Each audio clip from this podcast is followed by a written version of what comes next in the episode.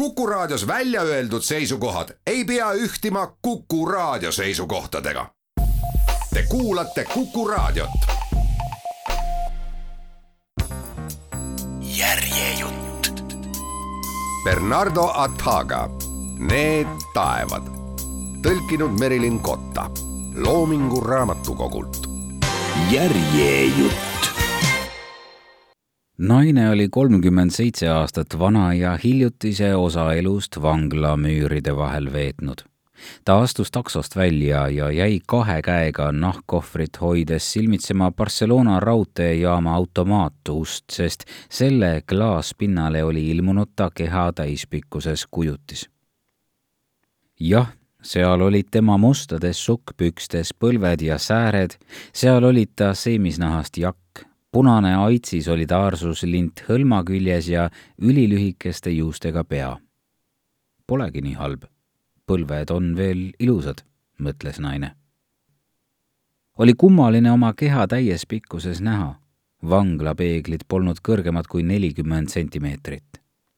peegelpilt kadus klaaspinnalt ja jaama uksele ilmusid kaks kogukat seljakotiga neiut. paari sammu järel seisid nad temaga otse vastamisi astunud vasakule, lõi üks neist kahekümneaastase inimese iseenesestmõistetavusega tema ees lahti linnaplaani ropsuga nagu vihmavarju. ei, naine ei saanud neiut aidata. pealegi polnud tal tahtmist kaardi peal teed juhatada. ei olnud turistidega sekeldamiseks sobiv aeg võib-olla seetõttu, et vastates ei liikunud ta näol ükski lihas, kohkusid seljakotiga neiud pisut või õigemini manasid näole kohkumise selleks, et ta end puudutatuna tunneks. ei, ta ei oleks tohtinud neile nii järsult vastata. otsige kiiremas korras mõni hotell ja käige duši all ära, isegi vangla vanad naised ei haise niimoodi, mõtles ta. võttis kohvri ühte kätte ja läks automaatukse poole kaks neiut hüüdsid talle midagi järele, muidugi midagi ebameeldivat, aga ta ei saanud neist aru. vanglas õpitud inglise keelest piisas talle lugemiseks ja teatud tasemel rääkimiseks, aga mitte selleks, et mõista brittide või ameeriklaste solvanguid. vaevalt jaamahoonesse sisse astunud oleks ta peapöörituse tõttu äärepealt tasakaalu kaotanud minestuse hirmus kiirustas ta ajalehekioski taha vähem käidavale alale ta vaatas ringi. igal pool ta ümber toimus midagi. küll hakkas vilkuma tuli, küll komistas laps kohvikäru otsa ja kukkus, küll jooksis keegi pea pööratud väljumiste elektroonilise infotabloo poole ja kui üldine sagimine vaibus, komistas ta pilk nagu kukkunud laps klaasiga kaetud sammaste peegelduse või kollase või punase plastpinna kriiskavuse otsa. nii et sulle antaksegi vabadus no palju õnne siis, edaspidi sul elektrivalgusest puudu ei tule. kakskümmend neli tundi hiljem said tema vanglaaastate ainsa sõbra Margarita sõnad tõeks. väljas, näiteks Barcelona raudteejaamas oli elektrivalgus kõikjal, isegi põrandal erinevus vanglast oli tohutu, sest sealsetes kongides ja koridorides valitses pimedus hall tolm, mis lendles õhus ning lämmatas elektripirnide ja päevavalguslampide vähesegi kuma. naise pilk eksles murelikult ringi, kohanedes iga edasi-tagasi rännaku käigus üha enam läätsekujuliste laelampide ja sisefassaadile kinnitatud Certina kellaga, aga ei leidnud kuskilt infopunkti. see polnud seal, kus ta mäletas, kassade rea vastas lõpuks, et otsingul mingigi tulemus oleks, jäi naise pilk peatuma kellal. see näitas kaks läbi kakskümmend minutit. tema käekell näitas aga kaks läbi kakskümmend kolm minutit. ta surus huuled kokku ja ohkas. jah, ta kahetses, et polnud hommikul jaama helistanud. teda tegi ärevaks teadmatus, kuidas täpselt lähitunde täita võtta ja plaanide tegemine oli võimatu seni, kuni ta ei teadnud rongi väljumisaega. naine haaras kohvri, seekord vasaku käega ja kõndis paarikümne ootava reisija juurde. ta valis neist pöördumiseks välja spordilehte lugeva sõduri, ütles, et vajab infot väljumiste kohta ja küsis, kust seda leida. vaadake arvutist, ütles sõdur osutades suure terase värvi risttahuka suunas. Risttahuka ühel küljel oli midagi aknataolist, milles helendas sinine ekraan naine asetas kohvri maha ja püüdis järgida juhiseid ekraanil, aga sellele ilmusid vaid Barcelona lähiümbruse linnade nimed Mataró, Sitges, Sabadell või välismaa linna nimed Pariis, Zürich, Milano. ta surus huuled uuesti kokku ja ohkas. kas ma saan aidata? küsis sõdur tema juurde astudes. Naine vastas, et tahaks teada järgmise Bilbao rongi väljumisaega selleks pole mul vaja ekraani vaadata. sinna ei lähe ühtki rongi kuni kella üheteistkümneni õhtul, ütles sõdur naeratades. nähes naise imestunud ilmet, jätkas ta sinatades. kas see on sinu jaoks liiga hilja? kas sa ei saa õhtut Barcelonas veeta? naisel ei olnud kuhugi kiiret ja ta oleks sõduri sõnades peituva kutse meeleldi vastu võtnud, ta põlved olid ju veel ilusad ja võib-olla mitte ainult põlved aga vabanemisest oli möödunud vaevalt kakskümmend tundi.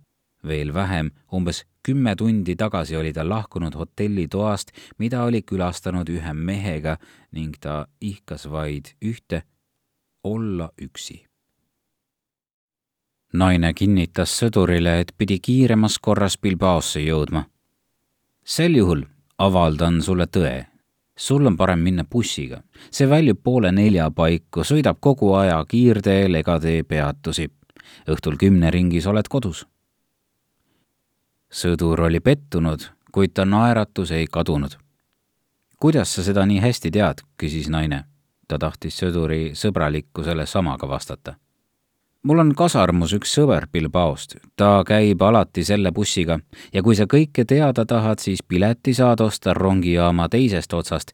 bussifirma nimi on Babitrans. sõdur jättis hüvasti naljatleva sõjaväelise tervitusega nagu reamees, kes on ülesandega hästi toime tulnud ja naine mõtles, miks ometi ei olnud ta selle toreda noormehega kohtunud eelmisel õhtul ta kujutles end õrnusega sõduri kõrvale heitmas, selleks ei oleks pidanud alkohol talle julgust andma nagu mehe puhul, keda ta päriselt oli kohanud. kujutlus võis viia ajas tagasi nagu telereklaamis nähtud tagurpidi kulgev liiklus, aga tegelikkus mitte. kui sinusuguseid inimesi oleks rohkem, poleks neid arvuteid vajagi, ütles naine kohvrit haarates. tal oli kulunud lause pärast natuke piinlik Taamal jaamahoone nurgas pitsapoe sissepääsu kõrval märkas ta sigaretiautomaati, millel oli Cameli logo ja esimest korda alates jaama sisenemisest avanes tal võimalus hakata taastama oma vanglaeelset elu. seda muidugi juhul, kui müügiautomaadis leidub tema lemmiksigarette, sest küllap olid tõesed sõbranna Margarita hüvasti jätul öeldud sõnad vanglasse sattudes jätame maha palju inimesi, aga ka esemeid. inimesed hülgavad meid muidugi kiiresti, mõnest aastast piisab ja meil pole enam kedagi. esemed seevastu püsivad, need oskavad oodata isegi kakskümmend aastat ja ainult sellele võivad meiesugused loota tuleb otsida üles oma endised asjad, oma vanad kauboisaapad, oma vanad tassid, sigaretid, raamatud, plaadid kui väljas oled, püüa leida üles oma asjad. Need aitavad sind palju. ühel päeval teen mina sedasama. Lähen pampasse tagasi ja otsin üles oma kauboisaapad. naise kõrvus kõlas veel itsitus, millega Margarita oli arutlusele punkti pannud. ta oli peaaegu kuuekümnene ja pidi karistust kandma veel seitse aastat. seni tuli tal elada väga hapra lootusega kodumaale Argentiinasse naasta. naine jõudis pitsapoe ukseni, jäi müügiautomaadi ees seisma ja lasi pilgul üle suitsupakkide rea libiseda. Camel, Lucky Strike, Chesterfield, Coronas, Fortuna, Lark, luges ta siis toppis ta masina avasse kolm münti ja vajutas nupule Lark peaaegu neli aastat oli ta veetnud ilma selle margita, oma alalise lemmikuta, mille oli teismeeas endale otse kui embleemiks valinud ja nüüd, lastes Margarita sõnadel tõeks saada, hoidis ta seda jälle käes. jah, see väike tumepunane suitsupakk näitas talle, et pärast nelja aastat kongis, õigemini seitsmeteistkümnendal kuupäeval saanuks neli aastat täis, on ta viimaks ometi vabaduses. Loomulikult ei olnud tal veel ainsatki võtit ja ta tundis sellest puudust, sest see peamine vabadust tähistav ese eristab tegelikult vabu inimesi vangidest. aga algus oli tehtud ta oli kindel, et kui ta suitsupaki kuldse lindi lahti tõmbab, omandab ta endine elu suurema kohalolu. ja kui mitte kohe, siis natuke hiljem, kui ta paki avab ja sigarette nuusutab. ta hoidis suitsupakki peopesal. Laargi filtris on sees söegraanulite kiht, mis pehmendab maitset, luges ta. kirja kohal illustreeris pilt sedasama eripära sellel oli ühe sigareti söegraanulitega filtri sisemus. ta pistis paki jaki taskusse ja seadis sammud mööda külgkoridori raudteejaama teise otsa. kohe, juba enne välisukse juurde jõudmist nägi ta betoonplatsil kahte bussi, üks üleni valge, teine kollane-valge ja kiirendas sammu, sest talle tundus, et need sõidavad kohe välja. kui ta platsile jõudis, ehmatas tema ilmumine lendu varblased, kes olid hüpelnud saiaraasukeste ümber. kuhu sa niimoodi tormad? hõikas linde söötnud vana naine eemale tõukava häälega. samal hetkel kergitas tuuleiil ta pikka seelikut ja ta hakkas sajatama. näis, et ta ei ole täie mõistuse juures. Ta palus vanalt naiselt vabandust ja saatis linde pilguga Need tiirlesid betoonplatsi kohal tuulega kaasa ja võtsid siis suuna vangla poole. jah, selle vastiku vangla poole, kus ta oli neli aastat veetnud ja mis asus siinsamas vähem kui viiesaja meetri kaugusel teisel pool raudteejaama. järsku pani üks mõte ta muigama. Mine tea, vahest olid lindude pesad vanglamüüri õõnsustes või oli isegi võimalik, et ta oli samu linde näinud vangla köögiaknast või sisehoovis. kaks bussijuhti lobisesid kollase-valge bussi juures. just nii, see on õige buss. väljub kolm läbi nelikümmend minutit ja lendab Bilbao poole, vastas üks neist. nii tema kui ka töökaaslane paistsid heas tujus olevat lendab siis, kui juhin mina, kui juhid sina, siis roomab. selle peale pahvatasid mõlemad bussijuhid naerma ning hakkasid teineteist togima. naine vaatas kella, aega oli alla tunni. kust pileti osta saab, küsis ta. jaamast, sealt, vastas bussijuht, kes oli nalja heitnud ja osutas uksele, mis oli tähistatud number kümnega aga kui sa soovid, siis mu kolleeg toob pileti sulle ise ära, on ju nii, et sa lähed neiule piletit tooma? aitäh, aga seda pole vaja, ütles naine, ennetades teise bussijuhi vastust. seejärel läks ta platsi serval asuva metallrinnatise juurde, toetus selle vastu ja võttis taskust välja suitsupaki. pakendi kuldne lint ja sigarette katnud hõbepaber kukkusid maha. saab näha, mis teed need lähevad, kuhu tuul nad viib muidugi lendlesid need vangla poole nagu ehmunud varblased. ta võttis sigareti ja hoidis seda nina all. see lõhnas meeldivalt nagu alati. kas suits läheb ka vangla poole? küsis ta seejärel endalt, kui oli sigareti plastist tulemasinaga süüdanud. jah, ka suits võttis suuna sinna, kuhu kõik ülejäänu.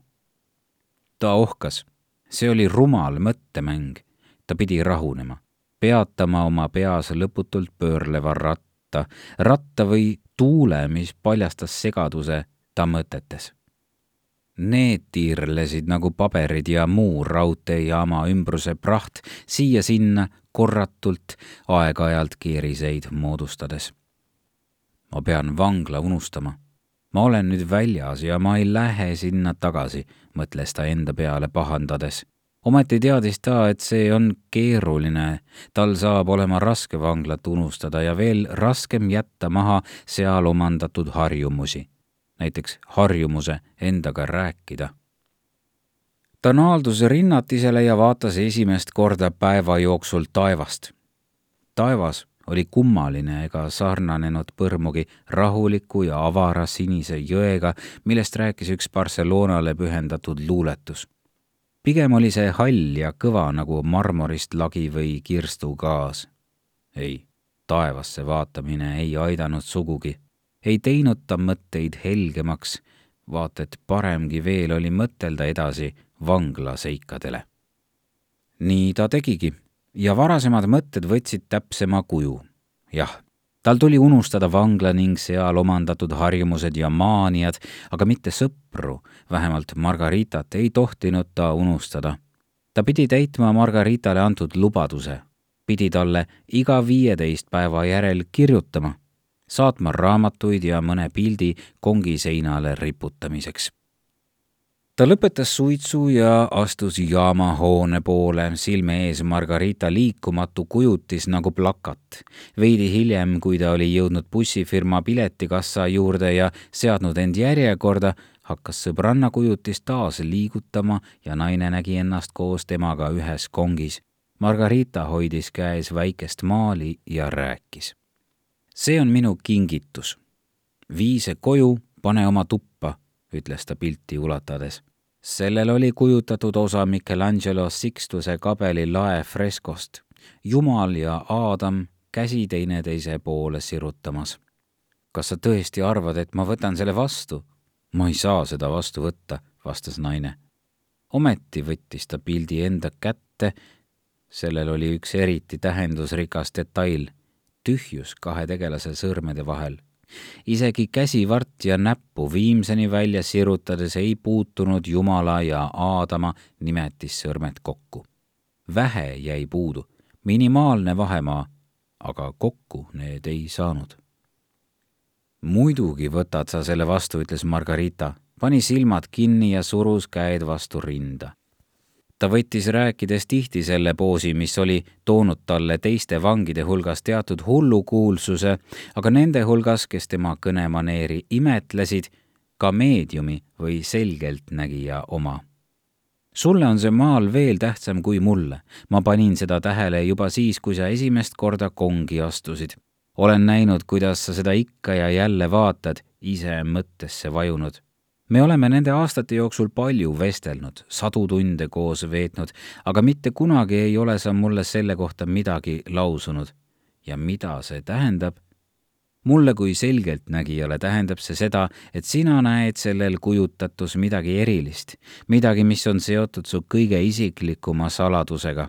just sellepärast pead sa pildi endaga kaasa võtma.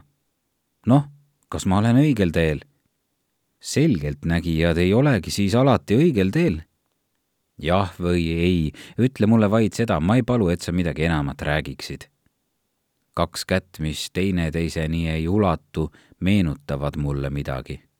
see on tõsi, aga see pole midagi erilist, pigem tühi asi.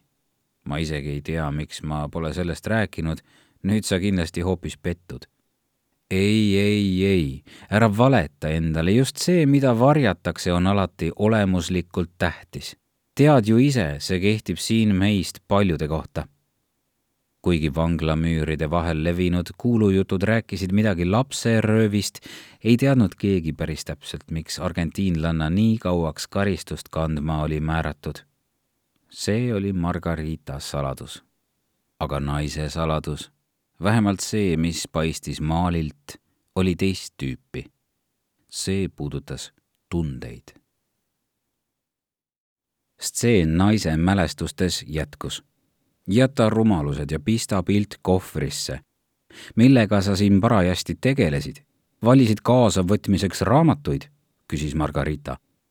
just sel hetkel ilmus kongi Galizia neiu Antonia kui vastik. Minna lahku just nüüd, kui me nii hästi läbi saame. Ja kõik sinu pärast, ma ei saa aru, miks sa meiega ei jää, ütles Antonia naljatades. kui asi ainult sellega piirduks, ta tahab raamatut ka minema viia, lisas Margarita, uurides kuuekümne kolmanda kongi väikesele lauale virna sätitud teoseid. see oli raamatukoguks kohandatud kong, nende koridori vangide võitluse tulemus ma võtsin enamasti need, mida on mitu, mida on mitu ja mis mulle on kõige olulisemad, mitte rohkem kui kümme, vastas ta samal toonil. Stendhal on siis üks neist, ütles Margarita, võttes kätte punase ja musta. ma ei tea, kas mina selle valiksin. kui peaksin valima kümme, siis seda ma ei võtaks, ei usu. ja sinu inglise keele vihikud, kas need on ikka kaasas? jaa, need on kaasas. Ära vähemalt seda meie luuletust minema vii, mis räägib trellide lõhkumisest. meil läheb seda tulevikus veel vaja, palus Antonia. seepeale hakkasid nad Margaritaga kahekesi luuletust kõva häälega ette kandma. see oli neile hümni eest tao vastu trelle, karju välja oma igatsus, vabasta end, kui saad. leia meri, leia kuu, kui saad. sulge aknad, ava uksed, pole aknaid, pole uksi, pole merd, pole kuud. karju oma karjumised ja vabasta end, kui saad. luuletus on kindlasti selles kogus, ma jätan selle siis siia, ütles ta Antoniale, võttes raamatu kohvrist välja kus sa nüüd, see oli nali, ma ei usu, et me luuletuse ära unustame, võta aga raamat rahulikult kaasa, vastas Antonia. Kui pika vanglaperioodi jooksul oli üldse olnud midagi meeldejäävat, midagi väärtuslikku, siis olid need Margarita, Antonia ja see väike klubi, mille nad olid moodustanud, et vestelda, õppida, teha joogat, üksteist aidata võimalik, et Margarita oli hull ja Antonia kellegi tapnud aga mis tähtsust oli sellel siin? vanglas sõnavara muutus.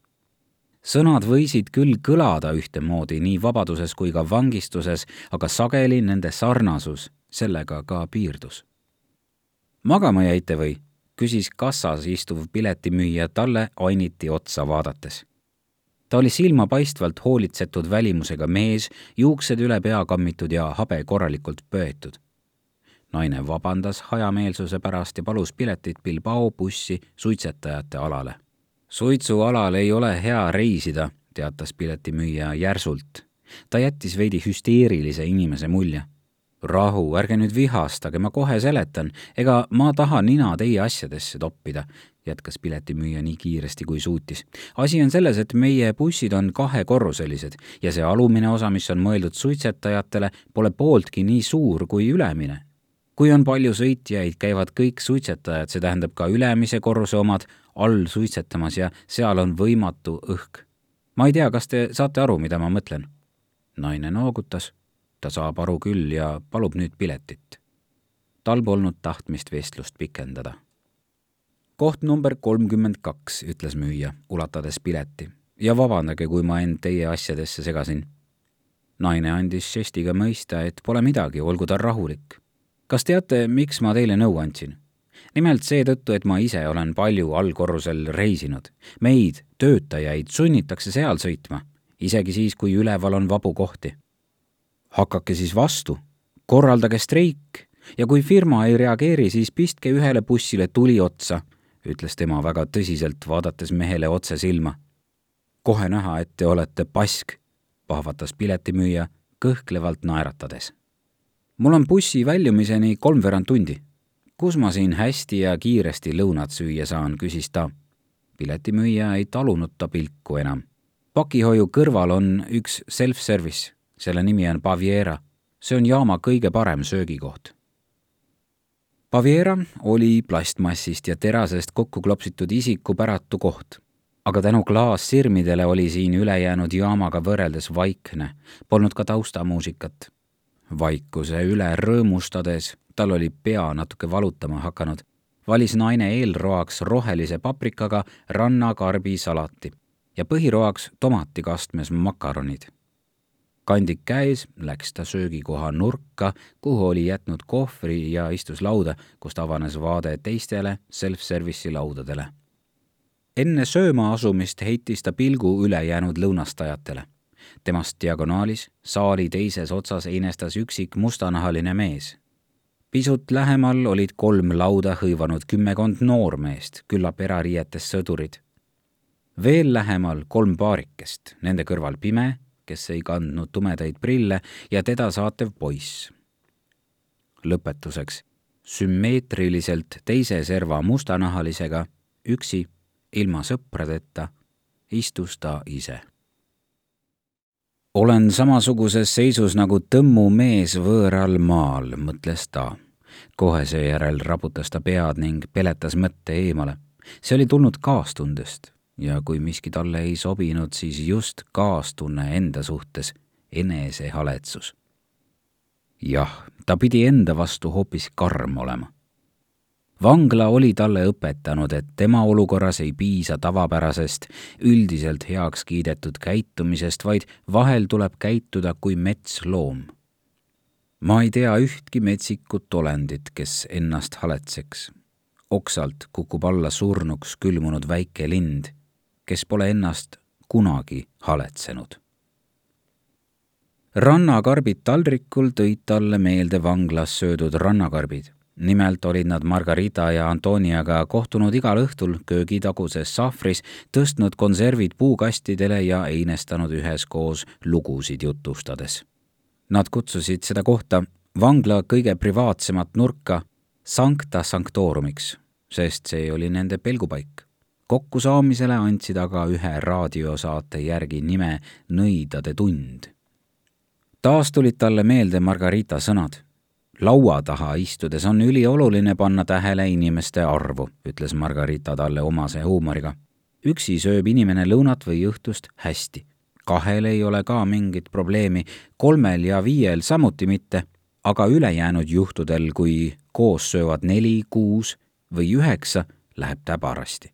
mis tahes lõuna- või õhtusöök muutub piinaks. Aga selleks, et tunda end üksi söögilauas hästi, see mõte oli mälestuse edasiarendus, oli sobilik midagi lugeda aga ta ei tahtnud riskida sellega, et määrib ära kohvris kaasa toodud raamatud ja midagi muud tal polnud ei lehti ega ajakirju. taksos oli ta mõelnud osta jaamast endale reisiks mõne Baski ajalehe, aga ta polnud seda veel teinud. siis meenus naisele kiri ta viimaste aastate kallimale. Ta oli selle kirjutanud hommikul ühel vanalinna kohviku terrassil einet võttes ja hoidis seda endiselt jaki sisetaskus.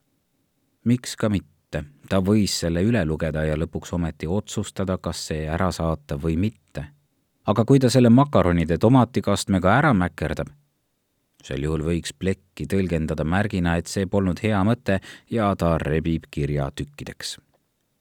Ta lükkas eemale tühja salatitaldriku, tõmbas lauaserva salvrätikuga puhtaks, võttis paberilehed ümbrikust välja ja kummardus ettepoole, et kirja rahulikult lugeda. mida ta sisimas ootas? kas seda, et üks makaron põgeneks kahvli otsast ja potsataks paberile või vastupidi, näha, et paber jääb puhtaks ka pisimatest pritsmetest. ta ei teadnud seda, ei saanud seda teada enne, kui kiri oli algusest lõpuni üle loetud. Andoni, sain lõpuks ometi sellest urkast välja ja arvan, et on õige päev sotid selgeks rääkida. ma ei armasta sind ja sina ei armasta mind. nii et nagu ütleks mu kolleegist kongikaaslane, vaid tee a mierda käigus kurat, Antooni. Ma ei taha sind rohkem näha ja ainus, mida ma kahetsen, on see, et olen otsusega nii kaua viivitanud. oleksin pidanud sulle vaid tea merda ütlema kaua aega tagasi, mitte praegu, sest sa oled olnud vilets sõber, kes jättis mu üksi iga kord, kui mina olin hädas ja andis vaid armetut nõu näiteks kui hakkasin vanglas oma pabereid korda ajama, mida sa mulle siis ütlesidki? Et ootaksin, et oleksin ettevaatlik, et peaksin aru organisatsiooni juhtkonnaga. kes iganes oleks sind kuulnud, oleks mõelnud, et sa oled tõsine võitleja, kes annab nõu vähem tõsisele võitlejannale ja ometi vaid tee ja merda, Andoni, vaid tee ja merda. Pole sa terve elu jooksul võidelnud mitte kuskil, isegi mitte gastronoomiaklubis tõelise kaaslasena poleks sa minuga nii rääkinud, sest kiindumus on isekas ega talu enda vastaseid põhjendusi. kas mäletad seda Navarra laulu? ütled, et koidab, aga alles on keskööö. minuga tundub aeg sulle pikk. ei armasta sa enam, seda tunnen. mul ei ole vaja Navarra tüdruku läbinägelikkust, sest sinu juhtum on veel selgem muidugi ei ole sa minuga nõus, ütled nagu kõikidel vanglakülastustel, et sul on mind vaja ja mina vastan jaa, jaa, sul on vaja kotti, kuhu heita kogu oma kannatus ja halvad uudised, kuid nüüdsest peale ei ole ma enam see kott. võid hakata uut otsima. järele mõeldes, kui halb kaaslane sa igapäevaeluks oleksid, kui hale, kui vilets. palun ära püüa mind Bilbaos üles otsida kui seda teed, seda hullem sulle. kas panna kiri teele või rebida siinsamas tükkideks? naine süüvis endasse pikalt ja põhjalikult, nagu vaataks jõkke ning otsiks vee sügavusest mõnda erilist, võib-olla valget kivi. püüdis märgata pisimatki hingeseisundi muutust, kuid ei jõudnud kuidagi ühese vastuseni ühelt poolt oli talle selge, et kiri lähtus hommiku väga konkreetsetest tunnetest, mis olid järgnenud öisele ebameeldivale vahekorrale, mistõttu kirjutis oli ebaõiglane, isegi põhjendamatult julm. ja ta oli unustanud selle, mis oleks kaalukeele teisele poole kallutanud. Antoni oli kõikide nende aastate vältel saatnud talle raha. teiselt poolt jällegi peegeldas kiri tõtt, tunnet mis oli päevast päeva ja nädalast nädalasse üha selgemaks saanud. kui keskpärane oli Antoni ja tema suhe. järjejutt. Bernardo Ataga, Need taevad, tõlkinud Merilin Kotta, Loomingu Raamatukogult. järjejutt